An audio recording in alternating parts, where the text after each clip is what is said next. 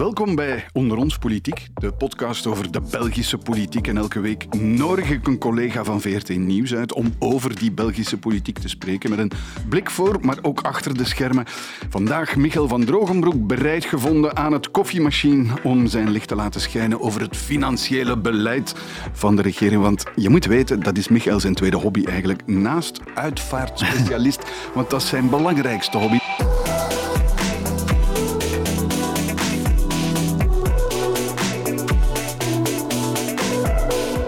Dag Michael. Dag eh, Ivan. Uh, ja, Ja, eh, het is geen grap, hè? Het is geen grap. Ik weet niet of het in die volgorde ook is. Ja. Eh, maar ik heb het ooit gestudeerd en ik... eh, Je hebt het ja, gestudeerd. je, kan, je, kan, je moest het vroeger studeren, begrafenisondernemer. Als je dat eh, wou worden, het was nodig om een, een eh, vestigingsattest te krijgen. Dus ik heb dat ooit wel gedaan. Eh, ik heb daar ook nooit meer iets mee gedaan sindsdien. Maar eh, met eh, corona, ik had ooit eens in een interview verteld, zei de ondernemer in mijn gemeente, ja, is het geen moment om terug zo die plechtigheden aan elkaar te praten? Want daar was toen veel vraag naar. Dus af en toe doe ik dat ook ertussen. Maar het is natuurlijk wel iets heel anders dan journalistiek werk. Het is Ja. een verschil van dag en nacht, maar het is wel een mooie aanvulling. En jij gebruikt begrafenisondernemer. Ik zeg uitvaartspecialist. Is er een verschil in waar je het, de- wat de- je wil doen? Of, of, De, de vlag eh, moet de lading dekken. Ik denk dat de uitvaartbegeleider misschien dan nog het mooiste Ja, is. En waar komt die interesse vandaan? Want het is toch wel een heel vreemde aanvulling op het hoofdberoep van journalist. Ja, maar ik wou eigenlijk dat worden vroeger. Journalistiek is er pas later bijgekomen. eh, dus ik wou dat als kind al worden, omdat ik het gezien had toen mijn grootouders stierven. Ook wel hoe dat het eh, niet moest. Eh, een beetje toen zo met grote ogen als, als jonge tiener gekeken van ja, dat dat toch niet echt op een heel serene manier gebeurde toen ze die bij ons thuis kwamen halen. En dan altijd wel wat gefascineerd geweest van hoe dat het dan wel beter kon. En kijk, Oké, goed. In elke aflevering, dat weet je intussen, eh, behandelen we twee thema's. En op het einde van de podcast beantwoorden we ook een vraag van de luisteraar. Ik herhaal het nog eens, wie een vraag wil stellen, die kan dat altijd via het mailadres onderonspolitiek.vrt.be. Ja, ik zei het, financieel beleid, dat is een beetje jouw domein tussen politiek en eh, financiën. Op dit moment is er opnieuw sprake van een staatsbon. Even uitleggen, wat is een staatsbon eigenlijk? Wel, eigenlijk is het gewoon een manier waarop de, de overheid, het agentschap van de schuld eigenlijk, de schuld herfinanciert. We hebben een grote schuld. Dat is eh, bij ons groter dan in andere landen, maar overal gebeurt dat volgens hetzelfde principe. Die schuld wordt geherfinancierd. Daar worden middelen voor gezocht. Dat is vaak bij heel grote spelers. In ons land wordt er traditioneel dat is al jaren, decennia lang zo ook, aangeklopt bij de gewone spaarder. En daarvoor dient die staatsbond, het is eigenlijk een lening aan de Belgische overheid voor een vooraf bepaalde periode aan een vooraf bepaald rendement. Dus je weet perfect eh, voor hoe lang je je geld uitleent en wat je terugkrijgt. En eigenlijk betekent het ook, want dat is een van de rare, vreemde situaties in ons land, is dat die grote staatsschuld, waar we altijd, journalisten wij, over spreken, en die zo negatief weegt op ons beleid, ja, die staat eigenlijk gewoon grotendeels bij de eigen bevolking. Dat blijft in één grote pot. Dat is toch wel iets heel merkwaardigs. Ja, niet alleen bij de eigen bevolking. Nee, het wordt ook het, eh, uitgeleend aan, Ja, aan eh, maar- grote spelers. Maar inderdaad, eh, het, is, het is op bepaalde momenten, als die schuld ons heel kwaad deed in de eurocrisis, is het net dat gebruikt als argument van kijk, ja, maar wij kunnen dat wel aan. Dat is wat Yves Le Terme destijds gedaan heeft, hè, 2012 dacht ik dat het was, aangeklopt bij de Belgische spaarder, die fameuze Le Terme-bonds. Die gi- een gigantisch succes was. Die een onwaarschijnlijk succes waren, omdat hij zelf echt als een volleerd verkoper, je weet dat toen nog wel, van studio naar studio ging, om die aan te prijzen, omdat het rendement ook extreem hoog was. Omdat ons land op dat moment door het oog van de naald ging. We hadden geen regering, er was die eh, financiële crisis, we hebben een hoge schuld. Dus wij moesten een heel hoge rente be- betalen. En eh, de, de, de truc die eigenlijk toen toegepast is, is een iets lagere rente bieden aan de Belgische bevolking, die daar uiteraard gretig op intekende. Omdat er ook een zekerheid was. Uiteraard. Natuurlijk, de staatsbon is een zeer zeker product als je het vergelijkt met wat je bij banken of in beleggingen, aandelen kan doen. Absoluut. En heel begrijpbaar ook. Het is een, een lening aan de Belgische overheid. Zo simpel is het. En die moet dat als een goede huisvader beheren. En op het einde van de rit krijg je je geld terug. Die Le Terme staatsbonds, die, die is een onwaarschijnlijk succes geweest. Daar wordt nog over gesproken. Sommigen proberen in de voetsporen te ja, treden. Vincent van Petegem, de huidige minister van Financiën. Heeft daar het uh, Trouwens, hoe, hoe komt dat het zo lang dat er zoveel tijd tussen geweest is. In het verleden herinner ik mij als politiek journalist, ik kom nog uit de jaren negentig, was dat iets dat heel geregeld gebeurde. Dan is het een tijdje niet zwaar in de bekendheid geweest tot Leterme. En sinds Leterme is het weer een beetje weggedemsterd. Ja, zelfs helemaal, Vincent van Petergem. Ja, zelfs helemaal weggedemsterd. Dat is een, een goede opmerking. Omdat kort na die uitgifte van die Leterme-bonds is de rente fors gezakt. Dat betekent wel dat diegenen die die toen gekocht hadden, een heel goede zaak hebben gedaan. Dus er zijn heel veel mensen die daar toen op ingetekend hebben en daar een heel mooi rendement hebben opgehaald. Zelfs bovenop dat rendement, omdat ze het vroeger verkocht hebben. Als de rente zakt, wordt dat natuurlijk interessanter. Maar als de rente zakt, zijn natuurlijk nieuwe staatsbonds veel minder interessant. En je weet dat de rente bewust uh, heel laag, extreem laag is gebracht door de centrale bank. Ja, maar dan zitten we in Europa. Ja, dat is het gevolg van een Europees Absoluut. beleid. Maar dat heeft al wel als, als gevolg ook gehad dat uh, ons land uh, twee, drie jaar lang geen staatsbonds heeft uitgegeven omdat het uh, rendement dat men zou kunnen geven dermate laag was, of zelfs negatief was, dat er niemand op zou intekenen. En zelfs alle staatsbonds die sindsdien opnieuw werden uitgegeven, hadden maar een matig succes. Het is die ene staatsbon in september, waarmee eh, Vincent van Petegem zichzelf ook een beetje op de kaart heeft gezet, dat terug de focus op die staatsbon heeft gericht. Even politieke analyse. Uh, op dit moment, eh, die, die staatsbon waarmee Vincent van Petegem zich opnieuw op de kaart heeft gezet, had een lagere roerende voorheffing. Normaal gezien betaal je 30 procent.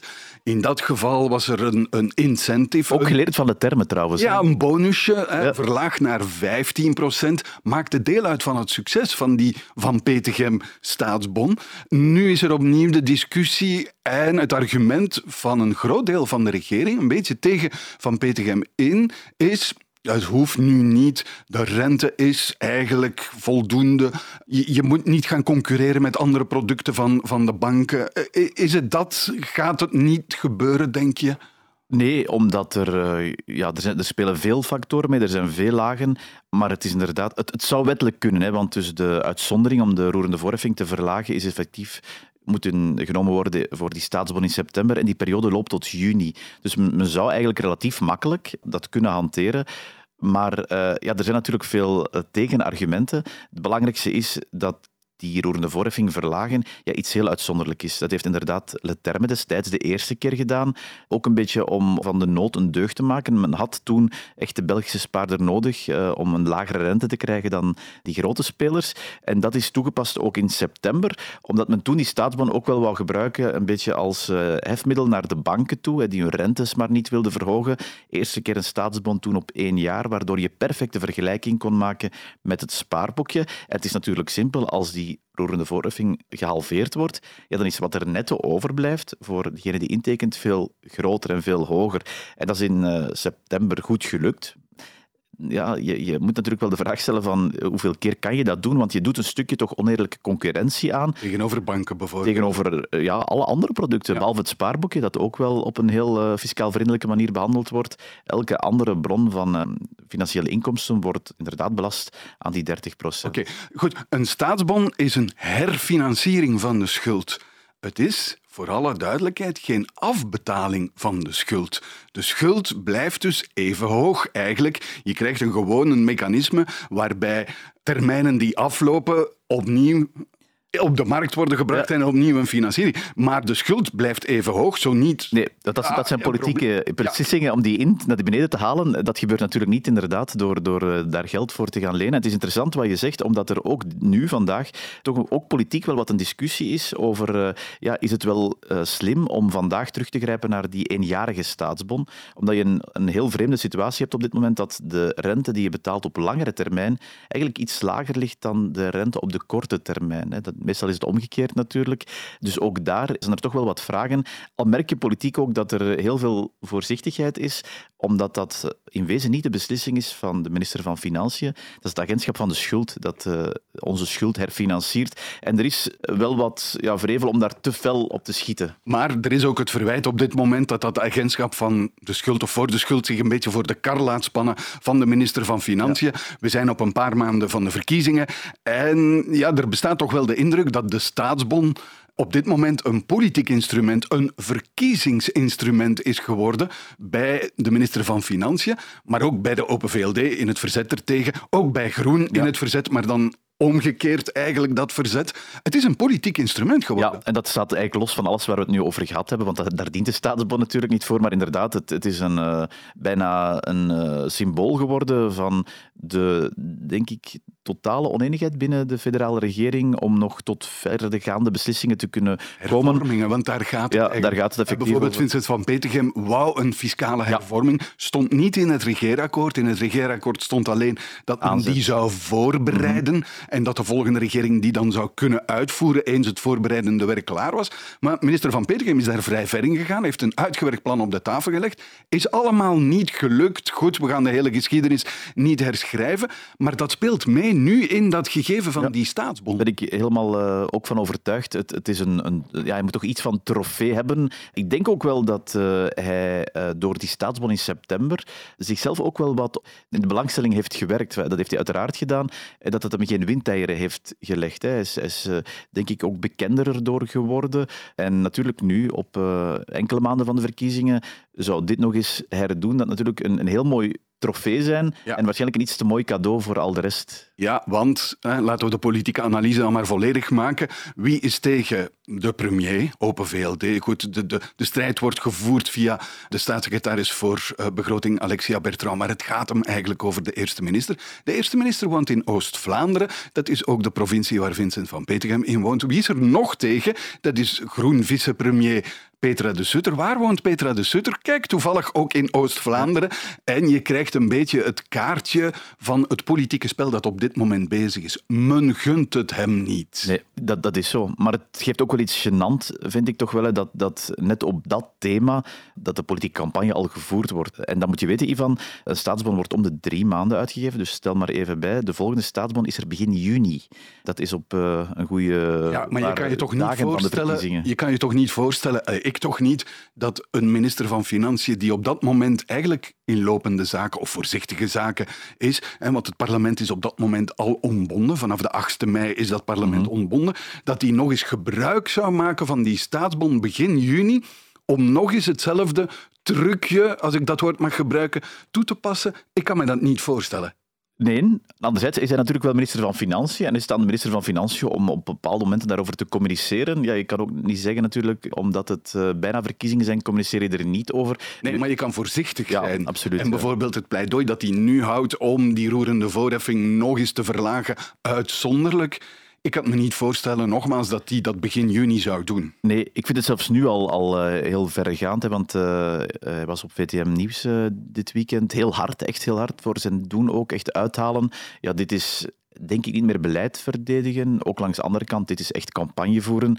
Maar dan is er natuurlijk wel die vaststelling, het is natuurlijk uh, nog geen campagne echt. Ja. Hè, uh, maar daar zitten we eigenlijk wel in als je ja. dit nu ziet wat er met de staatsbond gebeurt.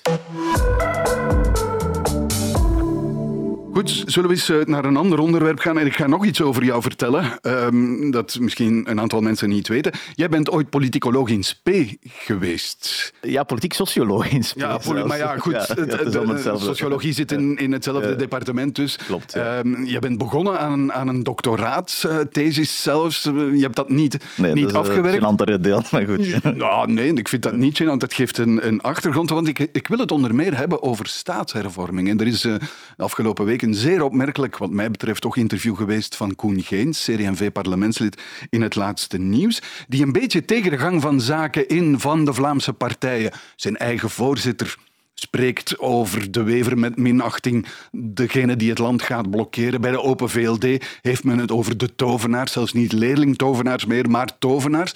Dus zijn pleidooi voor de staatshervorming is opmerkelijk wat mij betreft. En een tweede punt dat ik opmerkelijk vind. Het is denk ik de eerste keer dat men aan staatshervormen denkt, niet omwille van de ideologie, meer bevoegdheden voor de Vlamingen, omwille van de strijd voor de Vlaamse gemeenschap, de Vlaamse cultuur en de Vlaamse gedachte en de Vlaamse economie. Nee, het gaat hem over de efficiëntie van die staat. En dat is nieuw voor mij. Ja, heb ik ook gezien.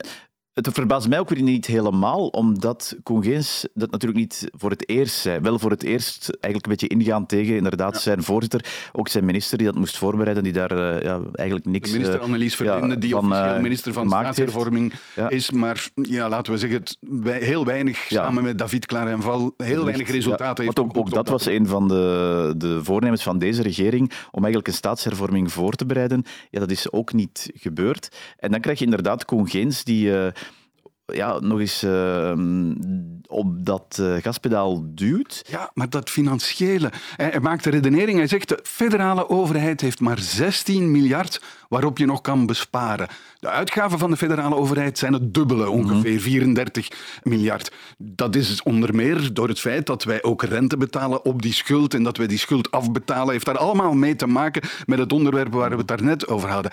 En net om dat mogelijk te maken, zegt hij, laten we dat allemaal overhevelen naar de deelstaten en in de deelstaten, daar kunnen we dat wel. Dat is natuurlijk een Vlaamse redenering, want aan Franstalige zijde hebben de deelstaten gewoon in de verste verte, schuld die nog vele malen hoger is dan de federale overheid. Maar zou het ook niet de Vlaamse reflex van Congeens zijn die opnieuw opborrelt, die eigenlijk ook opgeborreld is uh, toen deze regering, uh, Vivaldi, ontstond, waar hij absoluut geen voorstander van was en die uh, nu handig die efficiëntie-argumenten gebruikt om eigenlijk wel zijn punt te maken, wat hij misschien al, al veel langer uh, wil maken? Natuurlijk, CD&V heeft ook in essentie, dat is het argument dat de CD&V altijd gebruikt, wij hebben de afgelopen staatshervormingen gerealiseerd en niet de NVA, die heeft daar nog nooit aan meegewerkt. Het is een beetje de strijd mhm. tussen de CD&V en de NVA daarin.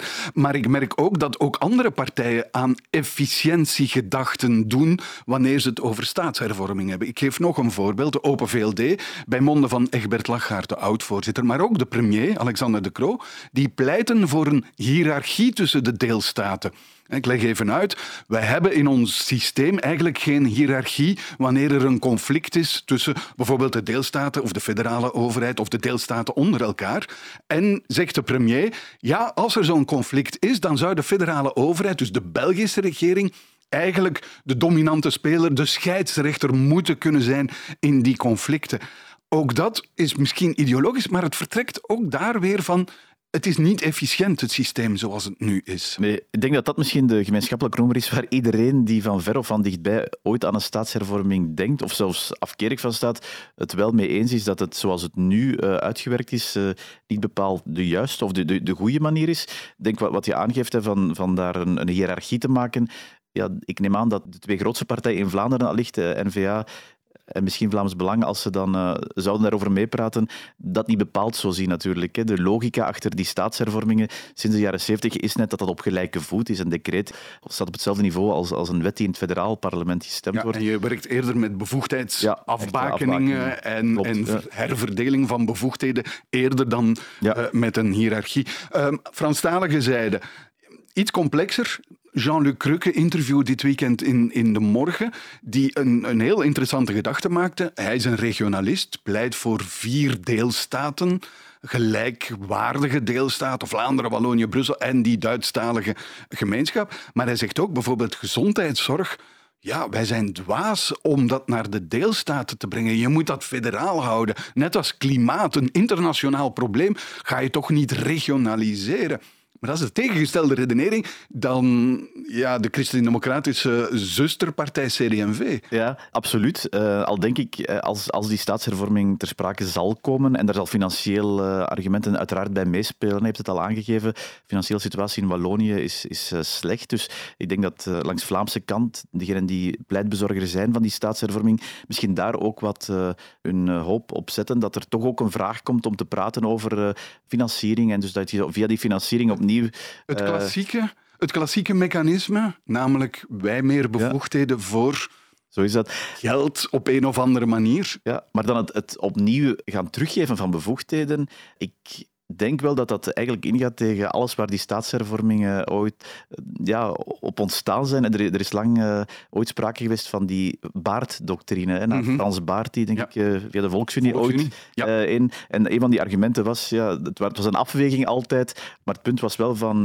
ja, wat we hebben gaan we wel nooit teruggeven. teruggeven natuurlijk. Dus als een staatshervorming daarvan begint uit te gaan, waar argumenten voor zijn misschien wel, dan zit je natuurlijk in een heel andere fase dan wat de staatshervormingen tot nu toe zijn geweest. Het was eigenlijk altijd het uitkleden van die Belgische sokkel. Ja, als je nu over eh, het opnieuw herfederaliseren ook zou gaan praten, dan heb je een tegenstelde beweging waar misschien argumenten voor zijn, maar het staat dan wel haaks op wat staatshervormingen tot nu toe eigenlijk geweest zijn. En wat nog altijd de gedachte is, arbeidsmarktbeleid bijvoorbeeld, ja, helemaal. heb je Hilde Krevits die toch wel pleiten voor wat heet, dat zijn allemaal containerbegrippen of wetstratees, eh, asymmetrisch beleid. Mhm. Dat betekende dan dat Vlaanderen toch wel iets meer zou kunnen doen mhm. op zijn eigen arbeidsmarkt, naar de eigen Dat is niet echt gerealiseerd, ook niet deze regering. Daar is echt niet werk van gemaakt. Acht je het mogelijk een staatshervorming? Ik ga nog een argument geven. Dit weekend PS-voorzitter Paul Magnet, die zei staatshervorming, laten we maar even afwachten. Als ik de score van Vlaams Belang en PVDA-PTB samentel, dan gaan we wellicht zoveel zetels naar de extremen, de uiterste van het politieke spectrum weten gaan, dat je bijna iedereen moet verzamelen om zo'n staatshervorming mogelijk te maken, want je hebt daar een tweederde mhm. meerderheid voor nodig. Dus Eigenlijk zei Magnet, dat gaat er niet van komen. Nee, wel, de, het allerbelangrijkste moet, moet gebeuren voor juni. Hè. Er moeten de artikelen uh, aangeduid worden die uh, voor herziening, de artikelen van de grondwet, vatbaar zouden zijn. Als dat niet gebeurt, is een staatshervorming eigenlijk al... al uh, ja, er zijn altijd van die technische argumenten dat je het misschien omgekeerd, of weer los van die artikelen kan, maar dat is ook een heel belangrijk element al. De grote vraag die ik mij stel is, als Bart Wever of NVA daar eh, zit aan een, een, federale onderhandelingstafel. In hoeverre gaat die staatshervorming doorwegen? Want ze hebben toch al heel veel scenario's gezegd die, die soms heel uiteenlopend zijn. Hè, van te starten met een soort uh, mini-kabinet, een zaakkabinet. Uh, maar wat dan met die staatshervorming? Het verleden dat ik mij herinner, heeft toch altijd geleerd, als je dat op de lange baan schuift, kijk naar de Costa uh, destijds bij ja. Paars Groen. En, en, de dialoog van gemeenschap, van gemeenschap tot gemeenschap. Tot gemeenschap. Maar ook kijk, bij, bij de start van de regering Leterme is dat toen ook naar een iets latere datum geschoven. Dat is eigenlijk nooit gehaald, omdat dan, ja, je, je bent aan het regeren, je hebt een regeerprogramma en dan komt die eh, staatshervorming of de niet-staatshervorming daar toch altijd tussen fietsen. Ik herinner me zo'n datum 15 juli dat we ooit eh, aan het paleis stonden. Omdat Yves Leterme zijn ontslag en Chris Peters heeft toen die dialoog van gemeenschap. Ja, de enige manier is zoals Elio Di Rupo het als informateur, formateur heeft gedaan. Eerst de staatshervorming, wat leidde tot het Vlinderakkoord. En dan de rest van de regering vormen. Nadat al dat staatshervormingsgedoe achter de rug was en beslist was. Ja. Natuurlijk, de vraag is ook, de achterban, zeker van NVA, ik weet niet of Vlaams Belang zal federaal ligt niet aan de tafel zitten, gaan die, gaan die genoegen nemen met alweer het idee van, eh, daar is die ijskast, waar we, dat is het argument geweest bij die Zweedse regering, dat heeft toen wel uh, geholpen, of, of dat heeft gewerkt toen. Gaat dit nu nog lukken? Het zal me erg benieuwen. Langs de andere kant, om even terug te gaan naar dat financiële laatste idee, de toestand van de overheid, de schuld, het begrotingstekort, zeker deelstaten in het zuiden van het land, is natuurlijk van die aard dat we ons niet een lange periode van onderhandelen over de staatshervorming vooraleer we die nieuwe regering kunnen tot stand brengen, kunnen permitteren, eerlijk gezegd? Nee, maar dan uh, is er wel ja, de, de, de retoriek van wat toch uh, misschien een van de spelers zal zijn, hè, de Wever. Dan hoor je soms op, op heel uh, uiteenlopende momenten andere dingen zeggen. Van, die, dat noodkabinet of dat zakenkabinet is dan om, om de, bijna de lopende zaken te doen. Maar we werken niet meer mee in een Belgische context. Ja, natuurlijk, dat is wel nodig zolang er geen staatshervorming is. Het is zo wat, een, uh, ja, wat, wat eerst uh, komt. Maar ja, dat er heel veel uh, argumenten zullen zijn om snel een regering te vormen om dat aan te pakken, klopt. Al heeft het verleden ook getoond dat het pas op het moment is dat er van extern serieuze waarschuwingen komen. Bijvoorbeeld door de financiële markten was dat met de vorming van de regering Di Rupo. Dan gaat het snel en dan lukt plots ook alles wat nooit lukte. Dus al zolang dat niet is, vraag ik me af of, of het effectief wel uh, zo snel zal gebeuren als uh, vandaag. Ik denk dat we het in deze podcast nog een paar keer ja. over uh, dat fenomeen zullen hebben en de vorming van de regering. Goed, elke week een vraag van de luisteraar. Nog eens zeggen, wie een vraag heeft, kan die altijd stellen in onderonspolitiek.vrt.be. Er is een vraag van Adriaan Omen. Die heeft eigenlijk een heel eenvoudige vraag. En ja, het is bijna voorspellend uh, wat we daarnet vertelden. Hij vraagt, na de verkiezingen zullen er weer een heleboel verkenners, informateurs, formateurs de revue passeren. Worden die mensen daarvoor betaald? En zo ja, hoeveel? Worden ze betaald? Ik vond het een goede vraag en ik weet het eigenlijk niet 100% zeker, maar ik ben mij eigenlijk bijna zeker van niet. Ja, ik ben ook bijna zeker uh, van niet. Maar het staat natuurlijk nergens als dusdanig. Uh... Nee, het staat nergens beschreven, omdat de rol ook nergens grondwettelijk beschreven staat. En het is bijna een dienstverlening uh, van de mensen. Nu, de meeste mensen die daarvoor gevraagd worden, zijn ergens in functie. Ik bedoel, parlementsvoorzitter is een klassieker van iemand die een rol speelt. Uh, daarin oud-politici. Wat zij wel doen, dus ik denk niet, ik ben ervan overtuigd, ik ben er zeker van dat ze daar geen loon mm. of vergoeding voor krijgen. Ze vragen wel hulp natuurlijk, want je hebt een ruimte nodig. Ik denk aan de vorige regeringsonderhandelingen. Heeft men het Egmondpaleis gebruikt? Egmondpaleis zit bij Buitenlandse Zaken, dus dat is dan gaan vragen aan Buitenlandse Zaken. Ja, iemand moet voor die catering zorgen, iemand moet voor die locatie uh, zorgen. Dat is er wel. De hulplijnen, de familielijnen, ja, die worden wel ingeroepen natuurlijk. Ja, en ook een beetje afhankelijk inderdaad of of iemand politiek uh, uh, nog echt actief is of niet. Ik herinner me die keer uh, in de kerstvakantie 2009, denk ik dat het was, dat het, aan het paleis van Laken, dat Wilfried Martens daar de oprijlaan opkwam, recht uit Disneyland, met die kinderen die daar nog aan het wuiven waren, om plots ook een of andere functie in te vullen ja, waar hij eigenlijk geen politiek mandaat nee. meer had. En toen zijn we allemaal verhuisd naar het gebouw van het Kamervoorzitterschap hè, zijn, ja. en, en, heeft hij daar ook alle faciliteiten gekregen om dat toen toen te vervullen. En soms zijn het partijvoorzitters en dan maken die gebruik van hun eigen partijhoofdkwartieren. Ja. Omdat, of kabinetten worden of ook, kabinetten worden ook vaak gebruikt. Goed. Dankjewel, Michael. Wie ook een vraag heeft, kan die nogmaals, ik herhaal het nog eens, stellen in onderonspolitiek.vrt.be. En nog even zeggen dat we als politieke podcast echt niet willen ontbreken op het podcast-event van de VRT. 9 maart is dat in Mechelen. Tickets vind je nog altijd terug op de website van VRT Max. Voor de sessie vraag het aan Ivan. En het zal Ivan en Anne van Rentergem liever komt erbij om vragen te beantwoorden. En je kan dus in de zaal ons vragen komen stellen rechtstreeks over de Belgische politieken. Volgende woensdag vind je dan de volgende aflevering van Onder ons Politiek opnieuw in de app van VRT Nieuws. Tot dan.